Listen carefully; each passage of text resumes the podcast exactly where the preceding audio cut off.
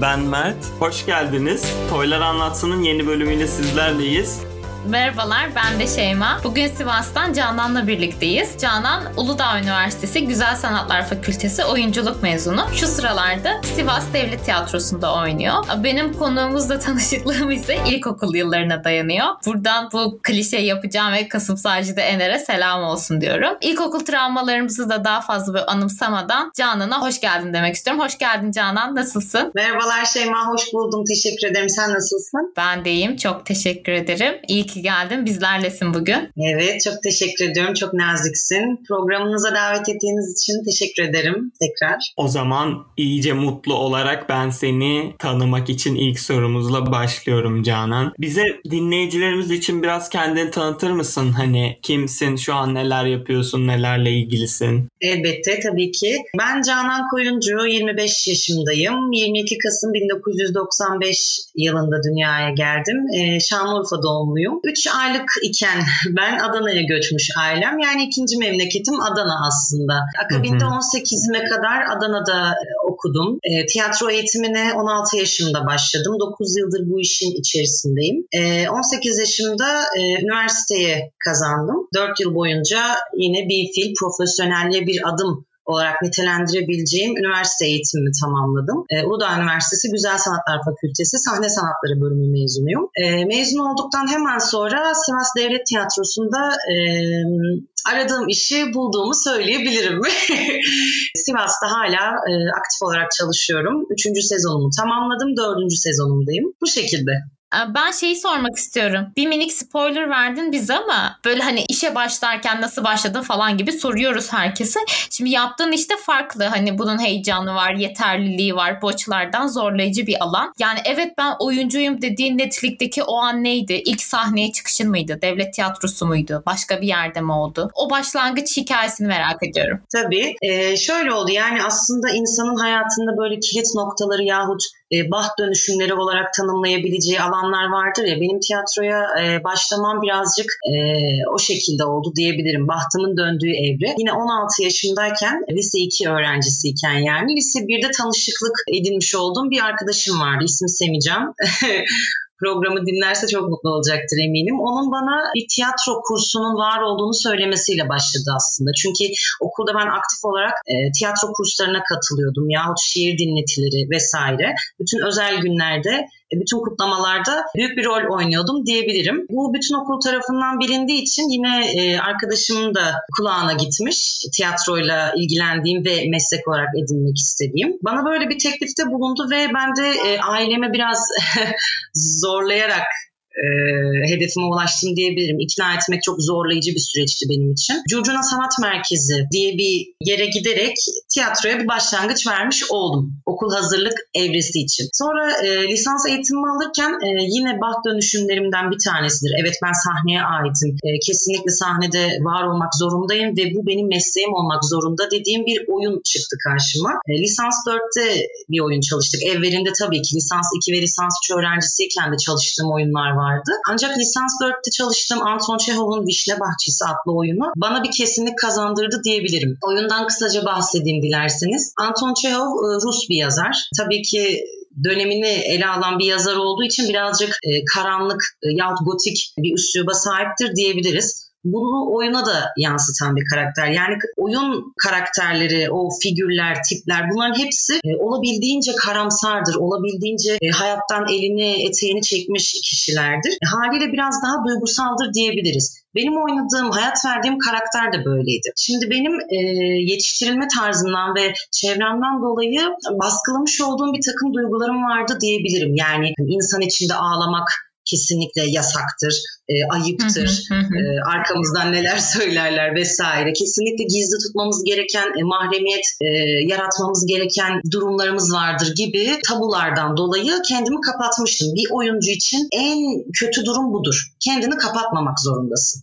Ama ben kapalıydım yani. Lisans 4'e kadar düşünün. Ama o oyun benim dönüm noktalarımdan biri oldu. Kendimi olabildiğince açtığım, karakteri bulmak için kendimden de bir şeyler yaratmak zorunda olduğum bir e, oyundu benim için. Bu vesileyle evet dedim yani ben kendimi bulabiliyorum, sahneye ait olabiliyorum, tabularımdan arınabiliyorum. Tiyatronun, oyunun ve karakterin benden istediğini ben demek ki kendi içimde yaratıp verebiliyorum. Ve dedim ki evet bu çok doğru bir oyun benim için. Birçok şey görmemi sağladı ve kesinlikle ben tiyatroya Artık korkacak hiçbir şeyim yok.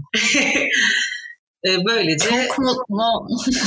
evet dinliyorum. Pardon böldüm seni. Ya çok mutlu oldum bunu duyunca çünkü evet yani dinlerken ben de düşündüm hani duygularını kendi başınayken bile yaşayamayıp bastıran biri için sahnede yaşamak, akıtmak bayağı zorlayıcı bir deneyimdir ve bunu aşmış olmak çok çok mutlu etti. Ya ben de şey diyeceğim seni dinlemesi çok güzeldi gerçekten. Hem çok böyle tutarlı ve akıcı bir şekilde anlatıyorsun hem de çok mantıklı bir şekilde birbirini izledi bu bahsettiğin noktalar. Hissettim yani bana çok geçti. O kendini ifade etme noktasında yaşayabileceğimiz hani rezervasyonlar hani kendini tutma da çok iyi anlayabiliyorum. Ben de duygularını ifade etme konusunda bayağı bir yaşıma kadar öyleydim. Benim için de böyle bir kırılma noktası bir eğitim kursunda olmuştu. Erasmus Plus'la İskoçya'ya gitmiştim. Orada bir hikaye anlatıcılığı eğitimine gitmiştim. Orada biraz aslında tiyatroya da benzeyen bir şekilde hep beraber e, hayatımızdan hikayeler paylaşıyorduk. Orada böyle hiç tanımadığım insanlarla ağlayınca aa demiştim kendimi ifade edebilirim böyle bir şekilde. Hani bana bunu çağrıştırdı. Kendini böyle duygularını ifade etme noktasında. Burada ben de gireceğim. Sen bunu anlatınca benim de aklıma kendi deneyimim geldi ve evet ben de bir role play oyununda aslında kendimi bu kadar açmış ve bana işte düşen rol beni çok çok etkileyen, benimle çok ilişkili ve o zamana kadar hiç yüksek sesle böyle dile getirmediğim falan bir şeydi. Onu anımsadım. Benim de deneyimim benzer olmuş. Demek ki böyle tiyatronun işte bu tarz şey. sanatın sanatın evet. faydalarını fark ediyoruz şey hani 2021 yılında şu an beraber. Biraz öyle oldu. Burada da ben devreye girmek istiyorum ya. Kesinlikle haklı bir konu. Yani hepimizin hayatında eminim e, ufak da olsa, farklı dallarda da olsa sanatın bir uzantısı mutlaka bulunuyor. Çünkü gerçekten öyle. E, diyoruz ya sanat sanat içindedir, toplum içindedir, bula bula çok fazla kolu var. E, ancak gerçek şu ki öncelikle senin içindir bence. Yani sen kendini ne kadar ifade edebiliyorsan o kadar varsındır ve aslında seni ortaya çıkaran etmenlerden birisi de sanattır. Hangi dalı olursa olsun kendini müzikle mi ifade edebiliyorsun, tiyatroyla mı, resimle mi, heykelle mi vesaire. Kendine öncelik verdiğin bir alandır bence sanat. Bu yüzden faydalı olduğunu düşünüyorum ya. Çok güzel söyledin. Katılıyorum altına kaşe ve imzamı atıyorum. Şimdi konuyu biraz da şey yapmak istiyorum.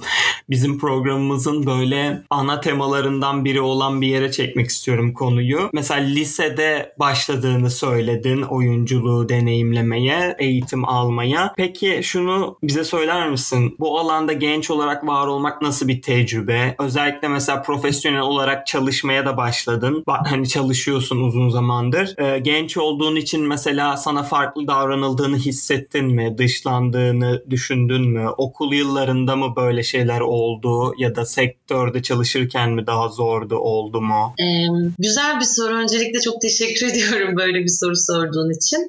Ee, evet tiyatroya çok erken yaşta başladım ve dediğin gibi 16 yaşımdan beri yani 9,5 yıl 10. yılına girecek. Benim için çok güzel bir serüven. Hayatımın bir parçası artık. Zorlayıcı etmenlere gelecek olursam bu bireysel konuşacağım tabii ki. Benim hayatımla alakalı yorum yapacağım. Kendimle ilgili zorlandım ben. Yani çevremdeki insanlar çok zorlayıcı unsurlarla gelmediler bana. Lisans evresinden bahsedeyim dilerseniz. Çünkü önceki kısım e, iki yıllık kısım yani amatör kısım. Ya zaten amatör tiyatro yapıyorsun. E, çok keyif alıyorsun, seviyorsun, mutlu oluyorsun. Arkadaşların seninle yaşıt, gülüyorsun, eğleniyorsun vesaire. İş okula gelince biraz ciddileşiyor. Çünkü artık okulda birer oyuncu adayısın, birer sanatçı adayısın. Bunun tabii ki bir takım e, zorunlulukları ve kuralları var.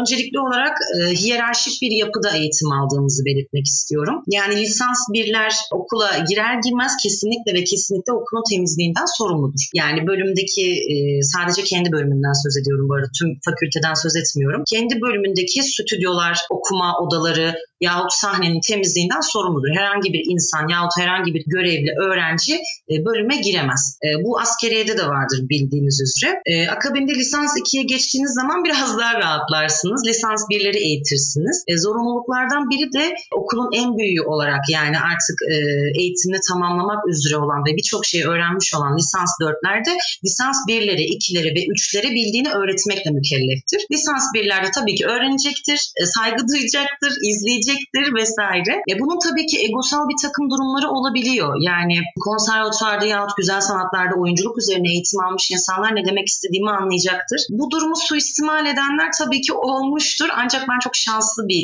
kadınım. Böyle bir duruma hiç denk gelmedim. Çünkü her şeyden önce bu yaşıma kadar yani profesyonel alanımda da kendimi hep öğrenci olarak tanımladım. Çünkü sürekli bir şeyler öğrenmek zorundayım. Özellikle sanat anlamında. Yani sanat anlamında oyunculukta, tiyatroda ve sahnede e, oldum diye bir şey yok. Her zaman bir açığın vardır. Her zaman bir şeyler öğrenmek zorundasındır. Çünkü ben sahnede bir role hayat veriyorum. Onu yaşatıyorum ve bildiğiniz üzere her insan birbirinden ayrıdır.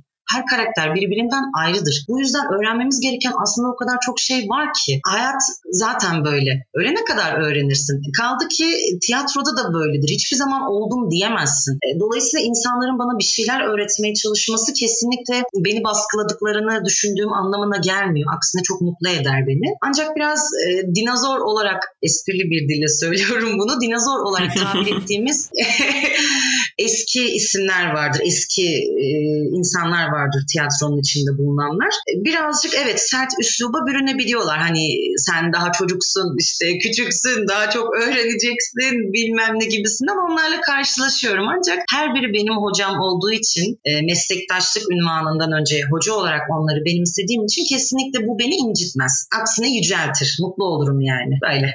Teşekkürler. Ben bir şey soracağım. yani fikrini almak istiyorum. Bu işte mesela tıp bölümünde de benim tanıdığım arkadaşlarımda da internlükte asistanlıkta böyle bir şey oluyordu. İşte internler, asistanlar üstleri tarafından böyle daha fazla sorumluluk verilir onlara. Bazen ezilirlerdi. Çünkü bunun böyle olması gerektiği işte. Ondan önceki insanların da asistanların da bu zorluklarla mücadele ettiği falan söylenir. Sizde de işte bu temizlik olayı ve o hiyerarşi olayı sence peki gerçekten yani katkı sağlıyor mu bir oyuncuya yoksa şey diyebilir miyiz? Hayır böyle olmak zorunda değil. Evet böyle bir gelenek, böyle bir kültür varmış ama tek yolu da bu değil aslında diyebilir miyiz? Çünkü ne bileyim ben biraz öyle olmasını istiyorum aslında. Buna inanmak istiyorum galiba. Ee, şöyle ifade edeyim kendimi. Bence kesinlikle ve kesinlikle sürmesi gereken bir gelenek. Ee, nedenini irdeleyecek olursak mahremiyet algısına dikkat çekmek istiyorum burada. Şimdi o sahne, e, sahne arkasındaki kulis, yahut okulda e, okuyan insanların bölümleri olarak adlandırabileceğimiz mekanlar bizlere ait, oyunculara ait yahut profesyonel ortamlarda teknik ekibe ve oyuncuya ait çeşitlendirebiliriz. Yani benim e, olduğum benim var olduğum ve bana ait olan bir alana tabii ki ben sahip çıkmalıyım. Yani bunu temizlikle e,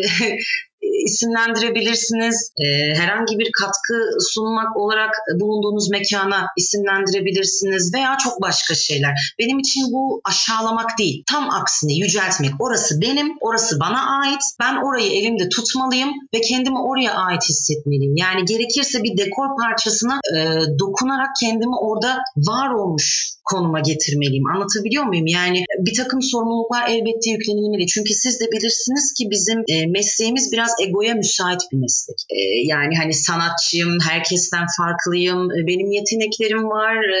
Yani bu, bu olmamalı. Çünkü ben seyirci için zaten yapıyorum bunu. Yani benim seyircim olmazsa benim sahnede olmamın bir anlamı yok. Sahnedeyim çünkü diyorum ki aslında bilinçaltında biri beni izlesin. Hmm, yani o yüzden e, orada benim pişmem gerekiyor aslında. Mutfak dediğimiz kısım vardır bizim. Mutfakta pişmek, usta çırak ilişkisi vesaire. Şimdi benim orada pişmem için, egolarımdan bir nebze e, arınabilmem için oraya aidiyetlik yaratmam lazım. Nasıl oraya ait olacağım? Atıyorum çok erken geleceğim provaya, çok geç çıkacağım ve bu beni üzmeyecek. Çünkü orası benim. Ee, oranın temizliğinden ben sorumlu olacağım. Oranın bir yıkık döküğünden, bir kırığından, bir çatlağından ben sorumlu olacağım. Oraya yeni gelen insanlarla belki ben ilgileneceğim ki oraya zarar vermesin. Çünkü orası benim evim. Ee, yani hani sabah 8 akşam 5 gibi bir memuriyet metoduyla e, çalıştığımız bir yer değil orası. Yani prova 10 saat de sürebilir. Hatta benim 17 saat boyunca prova aldığım oyunum bile olmuştu. Ee, anlatabiliyor muyum? Orası benim yani. Orası benim ikinci evim. Dolayısıyla oraya sahip çıkmalıyım ve egolarım kesinlikle ve kesinlikle kapıdan dışında kalmalı. Yani kapıdan içeri girdiğimde onu oraya alırsam ben ne e, istediğim gibi sahnede var olurum. Ne yönetmeni, ne hocamı, ne partnerimi, ne de diğer arkadaşlarımı algılayabilirim. Ne de e, oynamak istediğim rolün e, yahut karakterin benden istediğini ona verebilirim. Anlatabiliyor muyum?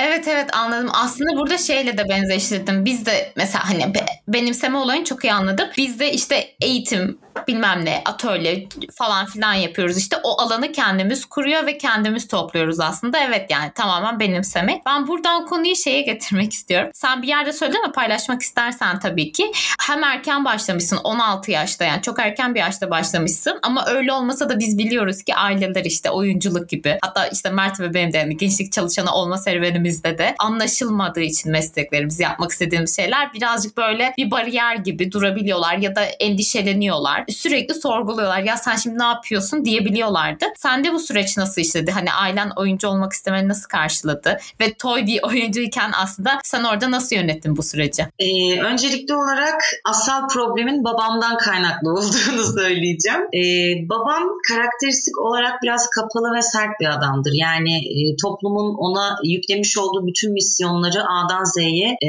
yaratmaya ve yaşatmaya çalışan bir adamdır. E, takdir edersiniz ki biraz muhafazakar bir toplumuz ve bu muhafazakar toplumdan e, nasibini alan bir bireydir baba. E, haliyle kadın e, olunca şimdi ilk karşılaştığım durum şu oldu sahneye mi çıkacaksın? Televizyona mı çıkacaksın? Ah televizyonda işte neler neler oluyor.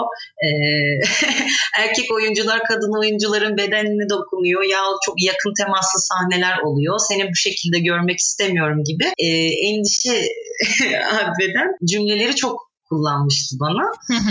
Bu bağlamda çok zıtlaştık babamla. Yani ona şöyle bir söz verdim. Baba dedim ben mezun olduktan sonra devlet tiyatrosuna gireceğim. Ee, ve devlet tiyatrosunda zannettiğin gibi bir e, açıklık yok.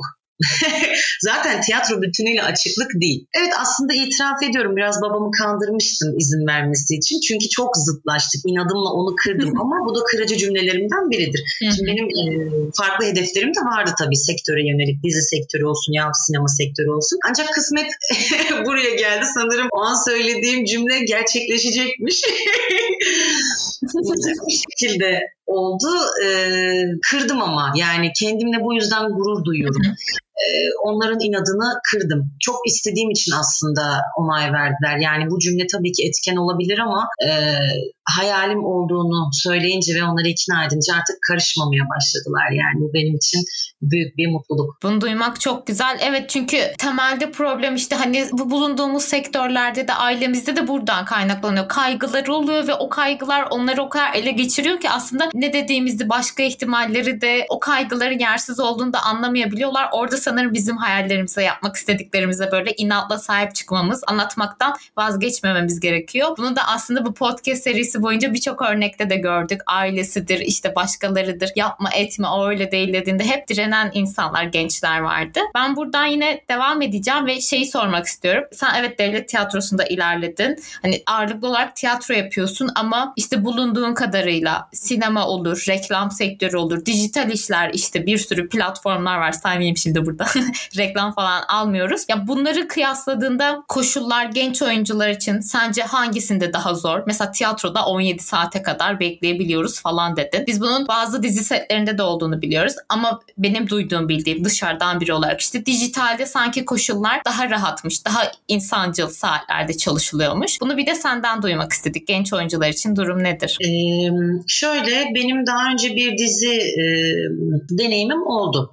Hatta iki farklı sette bulundum. E, ikisini kıyaslamak benim için ne kadar mantıklı onu bilemeyeceğim. Ancak demek istediğini anladım Şeyma. E, bence mezun olduktan sonra her oyuncu yahut e, işin mutfağında pişen alaylı dediğimiz e, her oyuncu mutlaka önce kendini sahnede deneyimlemeli. Neden? Çünkü sahne yaşayan bir organizma. Yani orada o an bulunuyorsun ve kesinlikle o anı kurtarmak zorundasın. Herhangi bir hata yaptığında da kurtarmak zorundasın. Hatasız ilerlesen de devam etmek zorundasın. Enerjiyi hep yüksek tutmak zorundasın. E, dur işte 5 dakika bekleyelim aman baştan alalım tekrar edelim gibi bir lüksün yok. Karşında seyirci var, sahnede sen ve partnerin varsın. E, kesinlikle o an bir işi bitirmek zorundasın yani. Herhangi bir hata yapma lüksün yok. Yapsan bile toparlamak zorundasın. Şimdi bu bağlamda e, insanı çok geliştiren bir şey. Ben ilk sahneye çıktığım zaman profesyonel işimden söz ediyorum. Çok bocalamıştım. Partnerim replik veriyor. Repliği ben henüz duymadan kendi repliğime giriyorum. Dansta şaşırıyorum. Ama tecrübe kazana kazana oynaya oynaya e, bu durumu atlattım. Yani aslında sahne bir nevi heyecanını atma durumu benim için ve birçok arkadaşım için böyle olduğuna inanıyorum. Çünkü dediğim gibi o an sen varsın, seyirci var, andasın. Ee, tekrar etme gibi bir şansın yok. Bu da insana, oyuncuya e, müthiş bir tecrübe sunuyor. E şimdi dizi setlerinde durum farklı. Yani dizi setlerinde dilediğin kadar ya sinema setlerinde dilediğin kadar tekrar alabiliyorsun, e, bekleyebiliyorsun. Yönetmenin senden istediğini anlamadığın zaman e, duyguyu kendi içine sindirebilmen için ya sahnenin senden ne istediğini verebilmen için zaman tanınabiliyor sana. Tabii ki dizi ve sinema sektörü de kendi içinde zordur.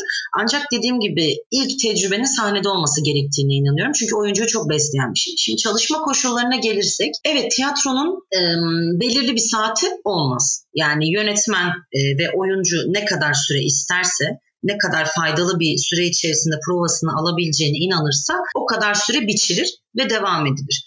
Dizi setlerinde evet yani hatta 17 demeyeyim 20 saate kadar çıkıyor bu durum. Ya çünkü dış çekim, iç çekim, gün, gece gibi bayağı e, gün akışına göre e, sahneler alınabiliyor. Bu yüzden çok zorlu e, onlar için. İnsanı biraz yıpratan bir durum. Ancak daha özel bir konuya gelirsek dizi sektörü de benim için mantıklı. Neden olmasın yani? Çünkü e, çok daha e, kaliteli işler yapabilmenin önü açılmış oluyor bence. Bildiğiniz üzere güzel paralar kazanılıyor dizi sektöründe. Bu kazandığım paralarla atıyorum benim hayallerimden birisidir. Bu herkes bunu yapmak zorunda değil ama köylere tiyatro götürülebilir. Yani düşünsenize benim dizim var. O diziden çok güzel paralar kazanıyorum ve evet İstanbul'da yahut yurt dışında iş yapabilirim ancak e, tiyatro izlememiş çocuklara da götürebilirim bunu. E, bildiğiniz gibi e, her şey artık parayla dönüyor dünyamızda günümüzde.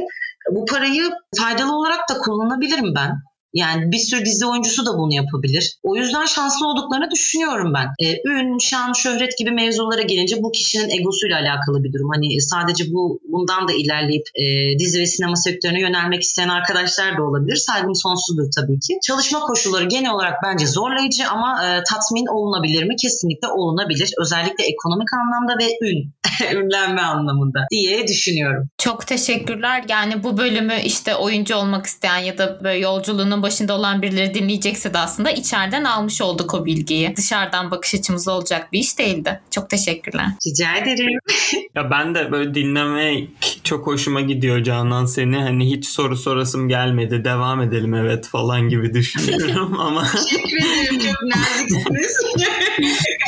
ya şuraya gelmek istiyorum ben de. Siz aslında bu konuyu yani söylenecekleri söylediniz diyorum. Ee, buna getirmek istiyorum konuyu. Şimdi sahnede deneyimsel olarak öğrenmenin öneminden bahsettin. Peki senin için mesela gerek okurken ya da gerek çalışırken kendi zamanında kendini geliştirmek için mesleğinle alakalı, oyunculukla alakalı neler yaptın mesela? Genç bir oyuncu ne yapabilir hani kendi zamanında? Evet çok güzel bir soru. Teşekkür ederim. Ee, bir oyuncu dediğim gibi az önceki sorunuzda da söylemiştim bunu. Hiçbir zaman oldum demeyecek. Genel e, hayatımızı almamız gereken cümle bu. Yani oyuncunun mottosu budur oldum yok. Neden? Çünkü bir oyuncu olduğunu düşünürse, şahane bir oyuncu, çok yetenekli bir oyuncu olduğunu düşünürse yetemez sahneye. Çünkü sahne e, bu kelimeyi kullanmak beni üzecek ama biraz nankördür.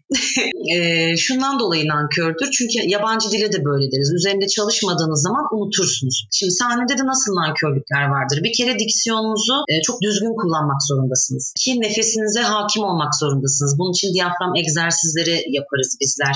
Yahut e, sesimize dikkat ederiz. Şarkı söylediğimiz zaman öncesinde ses açarız. Sesimiz çatlamasın diye vesaire. Bedenimize her daim dikkat etmek zorundayız. Ne koşul koşulda dikkat etmeliyiz. Provaya gitmeden önce yahut oyuna, sahneye çıkmadan önce mutlaka beden ısınacak. Çünkü herhangi bir sakatlık geçirilebilir. E, bunun olmasını istemeyiz haliyle. Çünkü bu olduğu zaman işler, provalar aksayacak vesaire vesaire. Beden her zaman çevik olmak zorunda. Tamamıyla e, fitlikten, zayıflıktan e, söz etmiyorum. Yani çok kilolu e, olup da çok esnek oyunculara da sahibiz. Sektörde böyle insanlar var. E, vücudumuz esnek olmak zorunda. E, yani her türlü role girebilmemiz için bedenimiz aslında bizim bir enstrümanımız. E, bunun için neler yapılmalı? Esnetme hareketleri e, yapılıyor. Spor hayatımızdan kesinlikle ve kesinlikle çıkmamalı. Yani çünkü oyuncu aslında su gibi olmalı. Yani girdiği kabın şeklini alabilmeli. E bunun için birçok e, envanterlere ihtiyacımız var.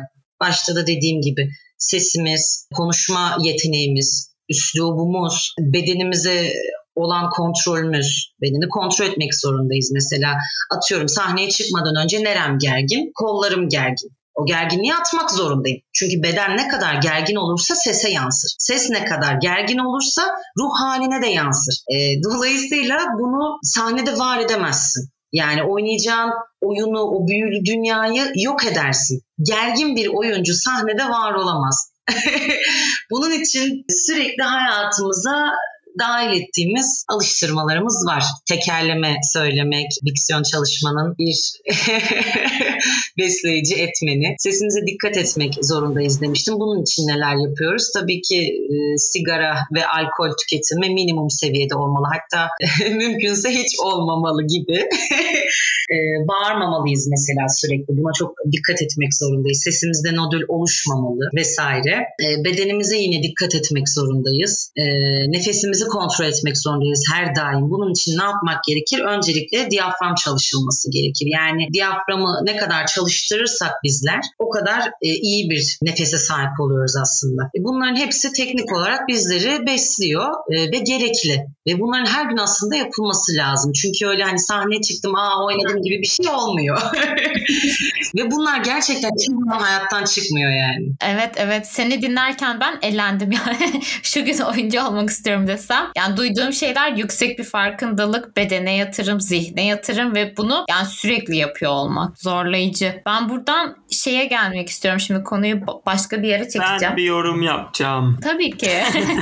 Tabii tabii. Şey ya şunu diyeceğim çok teşekkürler. Aslında birçok şeye uygulanabilecek beceriler ya da böyle yeterlikler diye düşündüm Canan'ı dinlerken. Ee, şuna yorum yapmak istedim. Hani oldum dememek gerekiyor ve öğrenmeye açıklıktan bahsettin ya. Belki sürekli konuyu buna getiriyoruz diye insanlar sıkılıyordur ama şey yani bizim de mesela Toy Gençlik Derneği adını almamızın ismi hani gençlere işte sen bilmiyorsun, yapamazsın, tecrübesizsin. Böyle yaklaşımların olmasında hani toy olarak da öğrenebiliriz. Hani her şeyi bilmemize gerek yok aslında gibi bir yaklaşımımız vardı. Öğrenmeye açığız yani. Evet ben her şeyi biliyorum bu konuda bir daha da bir şey öğrenmem dememeliyiz diye düşünüyoruz. Fakat ben şunu da söylemek istiyorum. Bu bir yandan da çok zor bir şey. Öyle kolay değil. Hani ha deyince evet ya ben bilmiyorum demek de çok kolay bir şey değil. Mesela kendini yakalıyor insan. Böyle çok kompleks bir şey olmak zorunda değil ama ben kendimi şeyde yakalıyorum. Bazen mesela bilmediğimi itiraf edemiyorum. Hani egom zedelenecek ya da bilmiyorsam evet, evet. kaçınıyorum yapmaktan. Hı hı. Ee, tamam Toy Gençlik Derneği falan evet bunları benimsemişiz ya da benimsemeye çalışıyoruz ama çok zor. Yani her seferinde bunu bir farkında bir şekilde yapman lazım. Anlatabildim mi? Ee, ben öyle hissediyorum. Çok zor bir şey ama çok doğru bir şey. Çünkü biliyorum dediğin an yani o kapıyı kapattığın an öğrenme duruyor gibi hissediyorum. Tabii kesinlikle. Ya bunun e, aslında egoyla çok yüksek bir alakası var senin de dediğin gibi. İnsanın aslında önce kendini kontrol edebiliyor olması lazım. Çünkü yine tiyatroya değineceğim. Bir oyuncu olmadan önce insanın kesinlikle ve kesinlikle kendini bilmesi gerekiyor kendini bil. Başka bir şey değil. Çünkü insan kendini bilirse, kendine hakim olursa, kendini kontrol edebilirse egosuna da söz geçirebilir. Çünkü bizim zaten işimiz insanla. E benim işim insanla ise benim de insan olmam lazım. Bunu soyut anlamda kullan. İnsan olmanın e, özellikleri sadece hayatta var olmak, nefes almak, e, bir takım ihtiyaçlarını gidermek değil. Yani soyut anlamda da insanın ne olması gerektiğini bilmesi lazım. Kendini bilmek zorundasın. Tepkilerini kontrol edebilmek zorundasın. Zaaflarını bilmek zorundasın. Seni rahatsız eden etmenleri bilmek zorundasın. En önemlisi kendini kendine itiraf edebilmek zorundasın. Yani bütün bunlara zaten sahip olan insan açık bir insandır. Ve açık bir insan da tabii ki minimal düzeyde de olsa yeteneği varsa neden oyuncu olmasın? En önemli durum bu. Bir, kendini bilmek. iki egonu kontrol edebilmek. Üç, asla ve asla oldum dememek. Süper. Çok severim böyle 1, 2, 3 sıralamaları. Ben de sizin söylediklerinizin üstüne çok bir şey söylemeyeceğim. Sadece böyle havalı bir laf olsun diye şey diyebilirim. Herkesin çok bildiği bir yerde bilmiyorum demek de cesaret istiyor gerçekten ve evet zorlayıcı. Bunu kabul edip üstüne çalışıyor olabilmek. Ben de katılıyorum ikinize de. Şimdi konuyu benim merak ettiğim yere getireceğim. Bunu ben sormak istedim özellikle. Ee, ben bir, bir şey söylemek istiyorum Şeyma. Tabii ki. Hı hı. Ee, bence bilmediğini itiraf eden bir insan çok zeki ve cesurdur. Bu kadar. Yani dedin ya hani herkesin e, bildiği bir yerde bilmiyorum demek çok büyük bir misyon diye. Ee, Evet evet. yani bu şunun gibi bir şey. Hani korkuyorsan gerçek bir şeyler yapıyorsundur hayatta. Çünkü geçmişte yapmışsındır ve e, o sana belki biraz endişe, tereddüt yüklemiştir. Ama yaptığın şey gerçektir. Gelecekte de bir takım şeyler yapacaksındır ki korkuyorsundur. Çünkü gerçek. E, yine aynı şekilde bilmiyorsundur. Bilmediğini söylüyorsun çünkü öğrenmek istiyorsun. Bu bir zeka belirtisi. Ve her oyuncuda olmak zorunda. Aslında her insanda olmak zorunda gibi. Kesinlikle. Evet evet. Seni dinlerken bu oyuncular için geçerli ama aa evet bizim alanda da şu alanlarda falan da geçerli diyorum. Toylu, gerçeği ve korkularımızı savunacağız o zaman. Öyle diyelim. Ve burada da şey artık getireceğim arkadaşlar. bu kez beni bölmeyin. Üçüncü girişimi. Bu soruda bir sıkıntı var demek ki. Şunu sormak istiyorum. Şimdi özellikle biz bu ödül törenlerinde orada burada falan işte böyle politik açıklamalar şunlar bunlar duyuyoruz. Ama ben şunu çok merak ediyorum. Şimdi Me Too hareketi de yükseldi ya veya şöyle bir genel benim gördüğüm bir şey de var. Artık gençler Z kuşağı falan demek istemiyorum da genç nesil şartlara razı olmaktan, kabullenmekten, başını eğmekten o kadar hoşlanmıyor. Çünkü bizim kaybedecek hiçbir şeyimiz yok hani. Bize verilen hiçbir şey yok ve mücadele etmek, itiraz etmek istiyoruz. O kadar da kaybedecek bir şeyimiz olmayınca korkmuyoruz aslında. Neyse peki bu oyuncular arasında sence nasıl? Hani bu Me Too'lar işte ifşalar veya ne bileyim en basitinden ya setlerde bu cinsiyetçilik konusu, set işçilerine yaklaşım konusunda genç oyuncularla dinozorlar dediklerimiz arasında bir yaklaşım farklılığı var mı? Genç oyuncular daha bazı şeylerin farkında ve açık diyebilir miyiz? Duyarlılığı daha yüksek diyebilir miyiz? Ben bunu çok merak ediyorum. Ee, şöyle söyleyeceğim, e, döneme göre değişiklik gösterebiliyor aslında. Çünkü dinozor olarak e, tabir ettiğimiz insanlar ekolleri gereği e, çok geride kaldılar. Evet onlardan çok şey öğrendik. Hı hı. E, yansımalarını sinemada da gördük. E, çok faydalı işleri de izledik. Hala izliyoruz. Evet ancak e, çok farklı bir dönemde kalmış ekol. Yani kendi çağlarında evet doğruyu yaptılar. Ancak e, dönem o kadar postmodernist bir yöne evriliyor ki haliyle e, sanatın da buna ayak uydurmaya ihtiyacı var. Kendi dinamiğini yaratmaya Hı hı. ihtiyacı var. Yani çok daha atılgan olmak, e, yeniliklere açık olmak, teknolojiye açık olmak, e, haliyle kendini kesinlikle ve kesinlikle yüzde yüz e, doğru bir şekilde ifade edebilmek gibi. E, şimdi eski nesile biraz bakacak olursak kurallar silsilesiyle sanatı da işlediklerini söyleyebiliriz. Bu söylediğim çok farklı yönlere gidebilir ama kendimi şimdi açıklayacağım neden böyle bir şey dediğimi. Çünkü iki kere iki dörttür gibi bir eğitim sistemiyle sanat var oldu ülkemizde ve dünyada. Ancak dünya değişiyor, sanat değişiyor. Bazen iki kere iki dört etmiyor. E, artık modernist bir toplumdan postmodernist bir yapıya evriliyor e, dünya keza sanat. E, bunun çatışmaları haliyle oluyor e, sanatçılar arasında da. Şimdi hani sen daha toysun, sen küçüksün, sen bilmezsin, bizim geçtiğimiz yollardan geçmedin gibi böyle atalarımızdan, büyüklerimizden çok duyduğumuz sözleri sahne arkasında da duyabiliyoruz. E, dizi ve sinema sektöründe e, çok fazla var mıdır bu durumlar? Vakıf değilim Şeyma, dürüst olmak istiyorum. Çünkü fazla deneyimim yok kamera oyunculuğuna karşı. E, ancak Hı hı. yine de bu kişide bitiyor ya. Hani bu ne kadar anlayışlıysa karşıdaki insan, e, ne kadar ondan bir şey e, öğrenmek istiyorsan ve o öğretmeye açıksa e, o kadar iyi düzeyde ilerliyor. Yani yine işin içine ego giriyor. Çünkü bunu itiraf etmek zorundayım. Mesleğimiz evet ego ile var olan bir meslek gibi.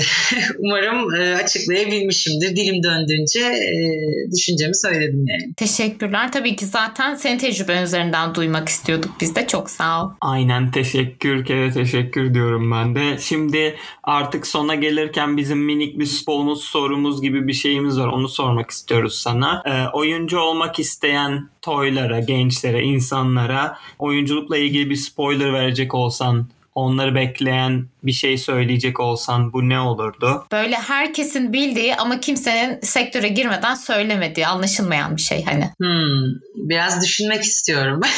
Olabildiğince gizemli. Tabii ki. İstediğin kadar düşün. e, şunu söyleyeyim o halde e, sevgili toy arkadaşlarım, oyuncu adayları düşeceksiniz. Ayağınız çok kayacak. Yani sizi kaydırmak isteyenler olacak. Kıskananlar olacak yetiştirmek isteyenler de olacak. Ee, tek yapmanız gereken şey önünüze bakmak. Engelleri yıkabilecek güce sahipsiniz çünkü. Neden? Sahneye çıkmak çok büyük bir özgüven istiyor. Ee, belki travmaların var, belki geçmişte yaşadığın korkular var. Ancak bunları aşarsan ki aşabilirsin, e, sahnede var olursun. Ve sahnede var olabilmen için de sadece kendine ihtiyacın var. Çünkü dediğim gibi ayağını kaydırmak isteyen insanlar her daim olacak. Ben cevabımı aldım. evet. Çok güzel söyledi. Böyle şey gibi oldu. Bir podcast'in sonu gibi ama ne yazık ki bu güzel üsluptan sonra, diksiyondan sonra ben yapacağım kapanışı. Canan öncelikle sana geldiğin zaman ayırdığın ve bu sohbeti bizimle yaptığın için çok çok teşekkür Aynen, ederim. çok teşekkürler. İyi ki varsın ve dinleyicilerimize de bir bölümde daha bizlerle oldukları için çok teşekkür ediyoruz. Lütfen yeni bölümlerimizi sosyal medya hesaplarımızdan takip edin, dinleyin. Bölümleri eşinizle, dostunuzla paylaşmaktan çekinmeyin. Ben buradan sonra kapatıyorum. İyi ki geldin Canan. Hoşça kal Mert, hoşça kal Canan. çok teşekkür ederim Şeyma Mert. Sana da çok teşekkür ediyorum. Çok keyif aldım. Çok naziksiniz. Umarım faydalı olmuştur. Bence kesinlikle oldu. Aynı şekilde tekrar iyi ki geldin diyorum. Görüşmek üzere. Teşekkür ediyorum. Hoşçakalın.